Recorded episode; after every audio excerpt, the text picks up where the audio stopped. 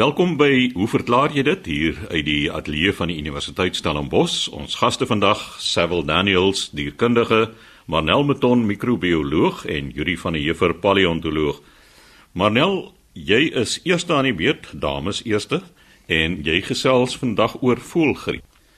Ja, ek het 'n brief gekry van Tasha Du Plessis van Woester en sy skryf: Hanne Du Plessis het weer sy ma vasgevra op die oggendrit skool toe en hier is sy vraag. As 'n voël besmet is met voëlgriep en 'n eier lê, sal die eier dan ook besmet wees. Natasha, jy sien nie hoe oud Hanno is nie, maar in my opinie het hy 'n uitstekende vraag gevra. Nou voëlgriep is 'n virale infeksie wat voëls infekteer, maar dit kan ook mense en ander diere infekteer. Die meeste forme van voëlgriep is egter meestal beperk tot voëls en ek dink dis ook maar 'n genade. Dit word veroorsaak deur 'n subtipe van die influenza A virus en ander soortgelykes veroorsaak dan ook varkgriep, hondegriep, mensgriep en so aan. En elke een van hierdie subtipes is natuurlik aangepas by hulle spesifieke gasheere. Nou die sogenaamde H5N1 virus is die oorsaak van die mees algemene vorm van voëlgriep en ook die eerste wat gevind was om na mense te versprei. Nou vervolgens is dit 'n dodelike siekte, maar soos wat ons nou gesê het, kan dit ook mense en diere affekteer of infekteer wat dan in kontak kom met so besmette voël wat dan nou as 'n draer optree. Nou onder mense is hierdie siekte voëlgriep vir die eerste keer aangemeld na 'n uitbraak in 1997 in Hong Kong na vermoedelike kontak met geïnfekteerde pluimvee. En volgens die wêreld Gesondheidsorganisasie het hierdie voëlgriep gelei tot die dood van 60% van die persone wat dit opgedoen het.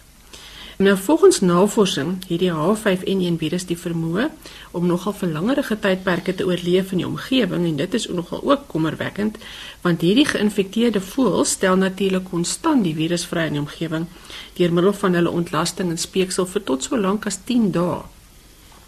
So wanneer 'n mens dan nou sou raak aan so gekontamineerde oppervlak, kan 'n mens dan nou hierdie siekte opdoen of jy kan dit dan nou verder versprei. Nou ook genadiglik is daar tans nog geen rekord dat hierdie spesifieke virus versprei via mens tot mens kontak nie, maar ons weet mutasies gebeur aanhoudend en daarom is spesialiste in hierdie gebied ook bekommerd dat as dit wel sou gebeur of sal plaasvind dat dit tot menslike pandemies kan lei. Nou daar's ander subtipes ook wat voëlgriep veroorsaak en wat ook 'n probleem is vir mense en die subtipe H7N9 is 'n relatiewe nuwe voëlgriepvirus wat vir die eerste keer aangemeld is in 2013 in China. En daar het ongeveer 100 mense siek geword en sommer binne die eerste maand na die uitbraak wat nogal ongewoon is vir hierdie tipe virusse wat oor basies oorspring na 'n ander spesies toe. En hierdie mense het almal akute respiratoriese komplikasies ondervind, baie soortgelyk aan longontsteking. Nou van die ongeveer 100 mense wat siek geraak het, het 20% gesterf. 20% het wel gesond geword en die oorblywende 60% van hierdie mense het basies ernstig kronies siek gebly. So dit is nogal kommerwekkend. En die wêreld gesondheidsorganisasie het hierdie H7N9 virus gevolglik gelys as 'n ongewoon gevaarlike virus vir mense. Nou baie mense wonder waar kom hierdie nommertjies vandaan hierdie H5N1 of H7N9 en dit word verdeel op subtipes op grond van die tipe van twee verskillende proteïene wat voorkom op die oppervlak van hierdie proteïenkapsid van die virusse. Die H staan vir hemagglutinien en dit is basies die proteïen wat veroorsaak dat rooi bloedselle saamklomp en dan die N is 'n neuroaminidase en dit is 'n ensiem wat dan nou basies die reseptore op die oppervlak van die gasheerselle dan nou aanval. Nou terug na die eiers toe. So inderdaad dan nou die eiers van geïnfekteerde voëls en pluimvee kan wel gekontamineer wees met hierdie virus. En ons kan nou maar praat van die H5N1 of enigiets van die anders. En daarom as 'n mens dink of vermoed dat daar wel 'n uitbraak van hierdie voëlgriep kan wees, moet 'n mens baie versigtig omgaan met hierdie eiers. Wanneer jy die eiers hanteer byvoorbeeld, sal jy jou hande moet was en die eiers se oppervlak ook moet was.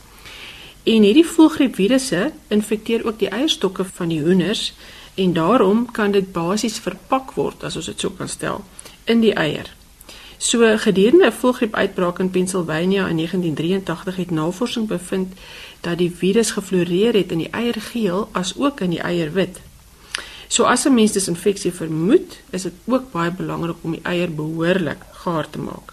En in sulke gevalle moet mens ook baie versigtig wees wanneer jy voedseltipes maak soos byvoorbeeld mayonnaise of tuisgemaakte roomys waarin mens nou nie die eiergeel sal gaar maak nie. En ook wanneer ons nou wel die eiers gaar maak, moet dit behoorlik wees. As mense nou kyk na MasterChef en so dan sien mens baie keer as hulle daai keiserslaai maak, daai eiergeel moet nog so lekker loperig wees. Nou dit is nou glad nie die ideaal wanneer ons nou praat van hierdie tipe virusse nie. So dit is baie belangrik die tyd wat gebruik word om hierdie eiers gaar te maak genoeg is om dan nou die virus in hierdie tyd dood te maak. En die nuutste Center for Disease Control se aanbevelings as ook die Wêreldgesondheidsorganisasie sê dat of jy nou salmonella wil vermy en of jy nou voëlgriep wil vermy, eiergele liefs nie loperig moet wees nie. En hierdie navorsing is gegrond op bevindinge wat alreeds gepubliseer het in the Journal of the American Medical Association. So dit is baie sterk data wat baie gewig dra en waaraan 'n mens definitief aandag moet gee. So ja, nou wanneer dit kom by voëls met voëlgriep en hulle eiers, dink ek 'n mens moet liewer nie so saakie sonder handskoene aanpak nie. So sê Marnel Meton, ons microbioloog, En Sewil, jy het 'n vraag ontvang oor Klaas neusmuise en dis nou nie 'n bynaam nie. môre Chris, môre kollegas, goeiemôre luisteraars. Ons het 'n vraag van ehm um, Pieter Teron van Vryseburg. Hierdie dis mos 'n area wat jy mee vertroud is. Hy het 'n paar foto's gestuur en hy wil baie graag weet watter tipe Klaas neusmuise kom in sy area voor. So ek gaan nou die vraag soos volg beantwoord. Die naam klasneusmuis kan baie verwarrend wees omdat hierdie diere natuurlik nou nie muise is soos dit wat 'n mens nou in jou kombuis sou aantref of die gewone vierstreep veldmuise nie of soos eekorings of rotte nie want hulle behoort natuurlik tot die Rodentia. Hierdie muise is spesiaal. Hulle behoort tot die familie Macroscelidae en hulle behoort dan aan hierdie oeroue superorde die Afrotheria wat dan nou groepe soos olifante, dassies, goue mole en aardvarke insluit. Die fossieldiversifikasie van die klasneusmuise het ongeveer so 43 miljoen jaar gelede begin in die Paleogeen. En hier in Afrika kom daar 4 genera voor waarvan 2 in Suidelike Afrika voorkom, Elephantulus waarvan daar 11 spesies is en die Macroscelides waarvan daar 3 spesies is. Nou klasneusmuise is gewoonlik insekvreters, maar hulle eet ook ander organismes soos byvoorbeeld aardwurms en hierdie diere is dan nou baie goeie voedingsbronne want hulle bevat baie hoë vlakke van proteïene.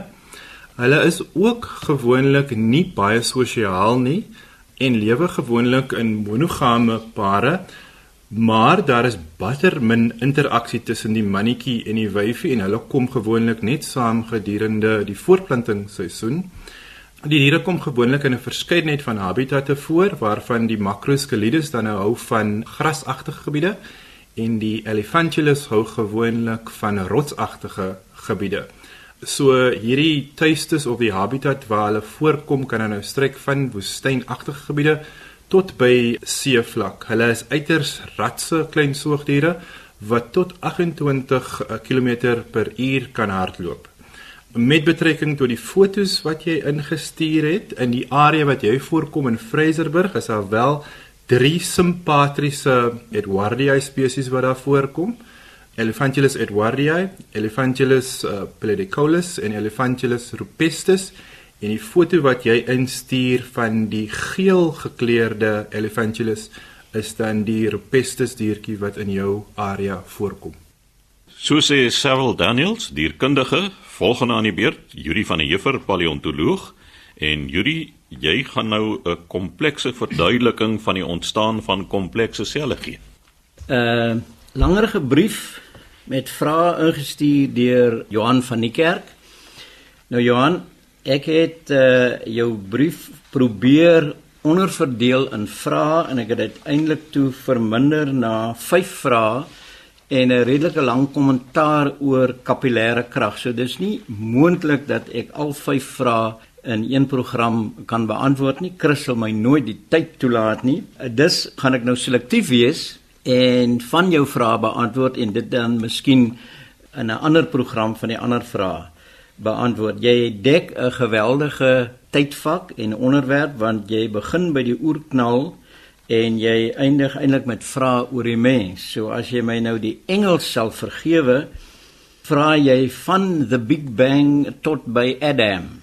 Ek wil graag begin met een van jou vrae waar jy sê dit word beweer dat lewe op aarde slegs een keer gebeur het en dat alle ander lewe daaruit ontwikkel het. Nou die kwessie van lewe wat net eenmal ontstaan het, dink ek is 'n baie interessante onderwerp.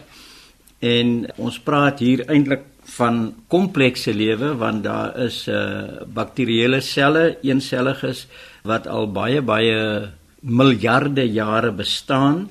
Maar die interessante ding is hoeveel keer het komplekse selle ontstaan? En ek dink die gewone idee, die gewone verklaring wat gegee word is dat komplekse selle het uit minder komplekse selle ontstaan. Met ander woorde, prokaryote het oorsprong gegee aan eukaryote selle en eukaryote selle is waar die genetiese materiaal 'n membraan om het. Met ander woorde, jy het 'n selkern En ek dink die gewone verklaring is dat dit gebeur het as gevolg van 'n paar mutasies wat plaasgevind het.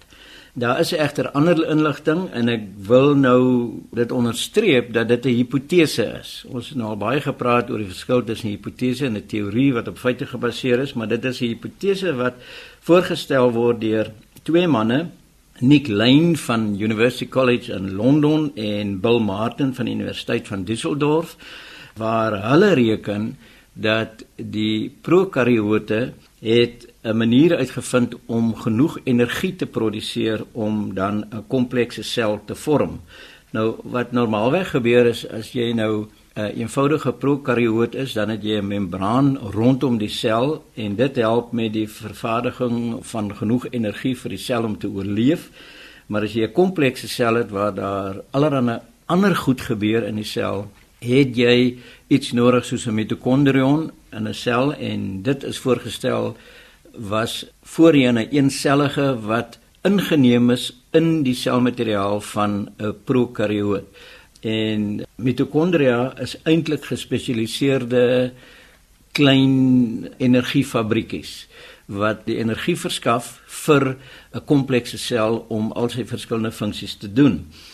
Nou die probleem volgens die twee manne is dat 'n uh, prokaryotiese sel kan doodgewoon net nie genoeg energie produseer om komplekse aktiwiteite te verrig nie want dis die selmembraan wat dit doen en om meer energie te produseer moet jy die selmembraan vergroot. Hulle doen dit deur die voue wat die selmembraan maak, maar dan moet daai membraan in stand gehou word en moet herstel word. Dus deur 'n uh, mitokondrion 'n klaar gemaakte energiefabriekie te inkorporeer in die sel, is dit 'n selfstandige eenheid wat op sy eie kan werk. Dus hulle interpretasie is dat prokaryote het aanvanklik eers mitokondria geïnkorporeer en toe daarna eukaryotiese selle met komplekse aktiwiteite tot stand gebring en dit sê hulle is so kompleks dat dit waarskynlik net een keer gebeur het.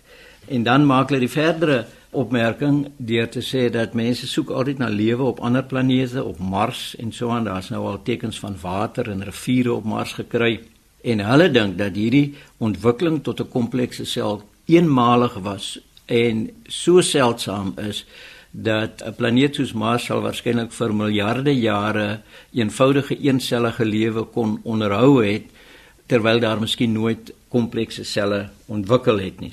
Ja, Yuri, dankie. Dis baie interessant. Ek dink nou aan wat Lynn Margulis ook gesê het. Jy het haar nie nou genoem nie.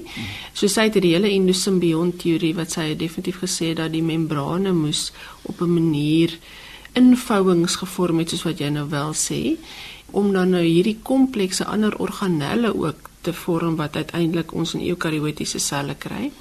En dan moes daar een of ander vorm van energie soos jy nou gesê het ingeneem word met die mitokondria en so. So dit verstom my wat ons as mensdom al kon bereik het maar die kompleksiteit van 'n enkele eukaryotiese sel is net soos die Engelse sê mind blowing Ja, toe jy nou sê die kompleksiteit van so 'n sel, dink ek aan 'n baie baie geliefde dosent wat ons in Botanie gehad het, Dr Smit En uh een van die metafore wat hy gebruik het vir hierdie kompleksiteit van 'n sel was om te sê dink aan 'n sel so groot soos die lesingssaal.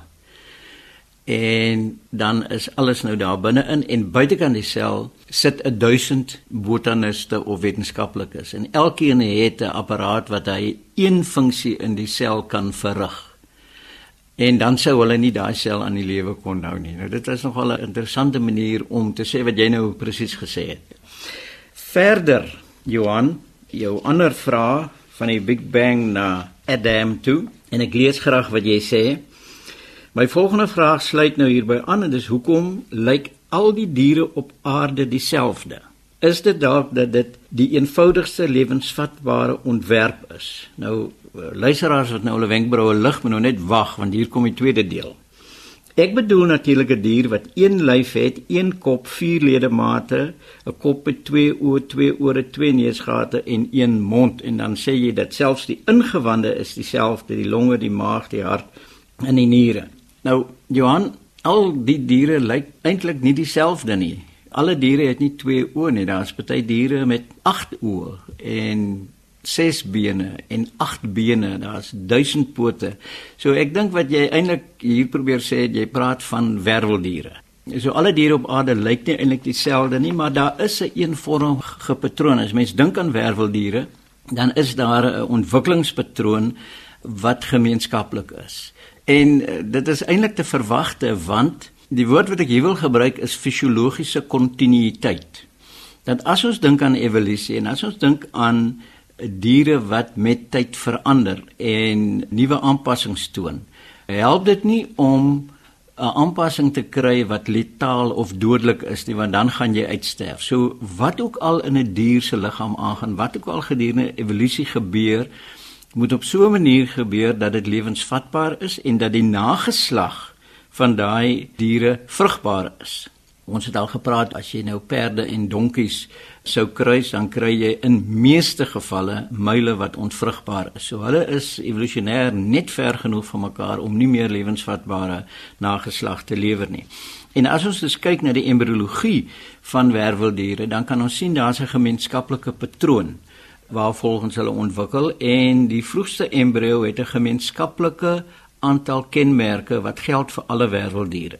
En sommiges van daai werveldiere leef op ander maniere en het daai spesifieke aanpassing nie nodig nie. Ek sal dit nou beter verduidelik, maar het so 'n spesifieke aanpassing nie nodig nie, maar kan dit aanpas om iets anders te vorm sodat as 'n mens nou dink aan 'n uh, embrio van 'n vis en 'n embrio van 'n mens is in die vroegste stadium kan jy sê identies. Daar sekerre kenmerke wat ontwikkel wat sorg dat daar uit 'n vis of 'n mens kan ontwikkel, maar dit ontwikkel teen 'n uh, verskillende tempo. So die strukture wat die kiewe van visse vorm. Nou in die embrio is dit nie kiewe nie. Dit is splete in die varingswyk, pharyngeale splete. Dis nie kiewe nie. Wanneer dit 'n vis gaan word, dan word daar kiewe in daai openinge aan die kant van die keel ingesit. Wanneer dit 'n mens gaan word, dan word daai openinge toegemaak, dit groei toe want ons het nie kiewe nodig nie. Ons maak gebruik van lug in ons longe.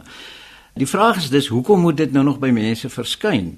Nou die ontwikkeling van daai spesifieke faringeale bo lei tot die ontwikkeling van sekere selle wat visse gebruik op een manier, maar mense gebruik dit om byvoorbeeld die tiroïedklier en sulke strukture te vorm. So daar is 'n gemeenskaplike patroon. So jou stelling dat alle diere dieselfde is, het 'n sekere mate van toepassing hier maar daar's soveel diversifikasie dat daai basiese embrio wat al die komponente of die potensiaal bevat om 'n dier te vorm kan ontwikkel in 'n vis of in 'n werveldier. So in daai sin is dit so dat alle diere eintlik dieselfde lyk, maar dit is 'n embrionale patroon wat moet ontwikkel sodat jy aan die einde 'n soogdier of 'n klaasneusmuis of wat ook al kan kry. Yuri, maar jy sê dan nou nie dat die gemeenskaplike patrone uit 'n gemeenskaplike voorouer kom nie, want ons weet tog dat die diere wat nou bilateraal simmetries is, is monofileties. So dit is tog seker 'n belangrike aspek, is dit nie?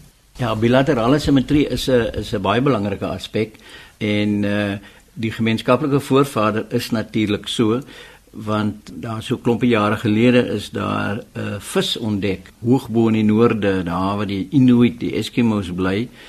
En uh, die vis se naam is Tiktaalik. Dit is 'n Inuit woord.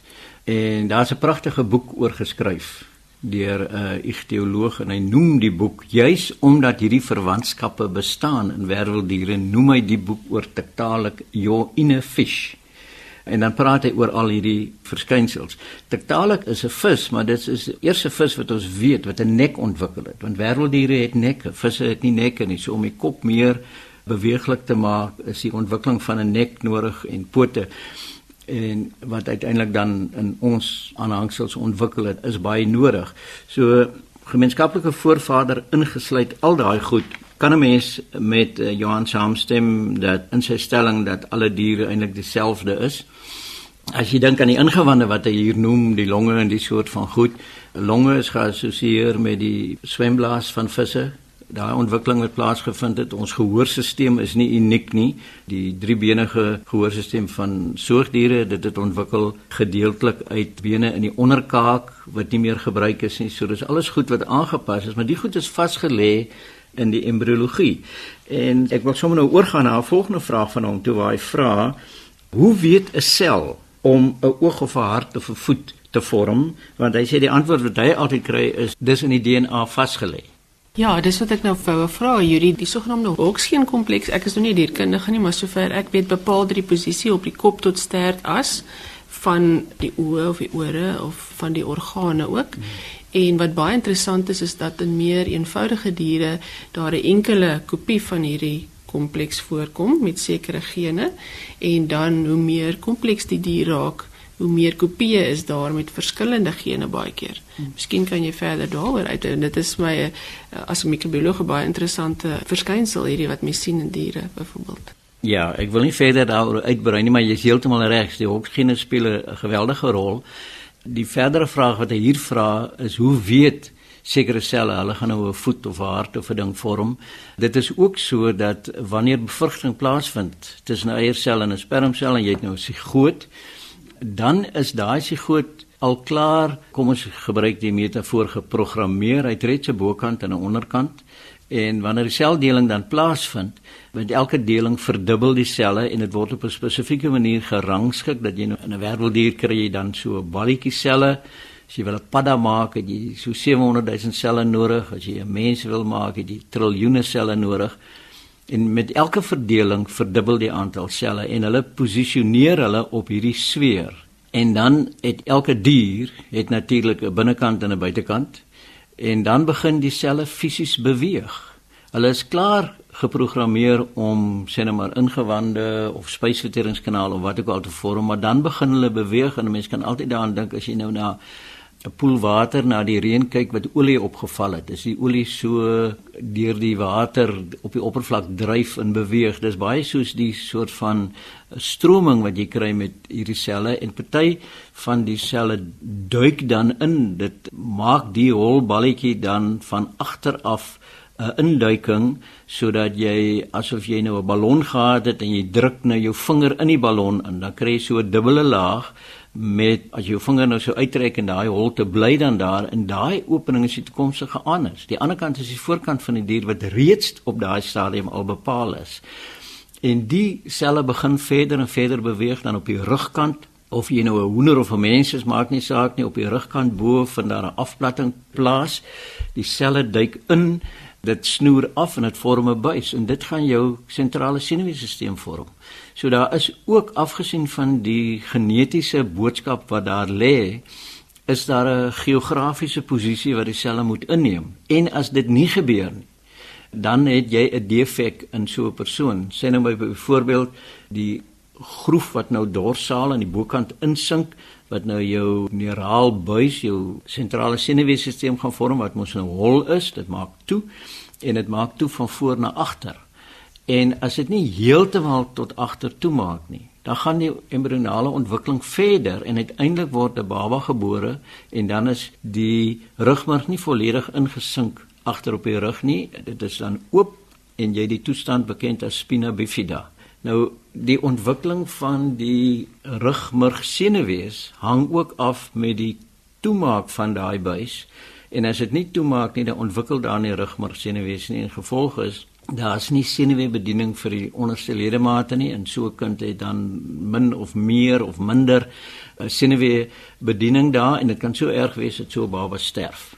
Net so met die vorming van die geraamte as die selle wat die bekkengordel vorm nie behoorlik bymekaar kom aan elke kante nie dan het jy 'n bekken wat onvolledig is en uh, dit kan net soveel probleme veroorsaak. So die ja, die genetiese patroon is daar en dit het dan te doen met die fisiese beweging ook van selle wat op die regte plek moet arriveer in die regte volgorde want as alles nie volgens hierdie program verloop nie dan vind die goed vorentoe nie plaas nie en jy kan vind dat die oë nie ontwikkel nie of die hart het 'n defek in. En jy's reg as jy sê dis die DNA wat dit doen maar die program moet homself uitloop tot op die einde om dan die soort mense te kry wat jy nou vandag rondom hierdie tafel sien sit. So sê Yuri van der Heever, ons paleontoloog, Skryf gerus aan ons by hoe verklaar jy dit posbus 2551 Kaapstad 8000 of stuur 'n e-pos aan chris@rsg.co.za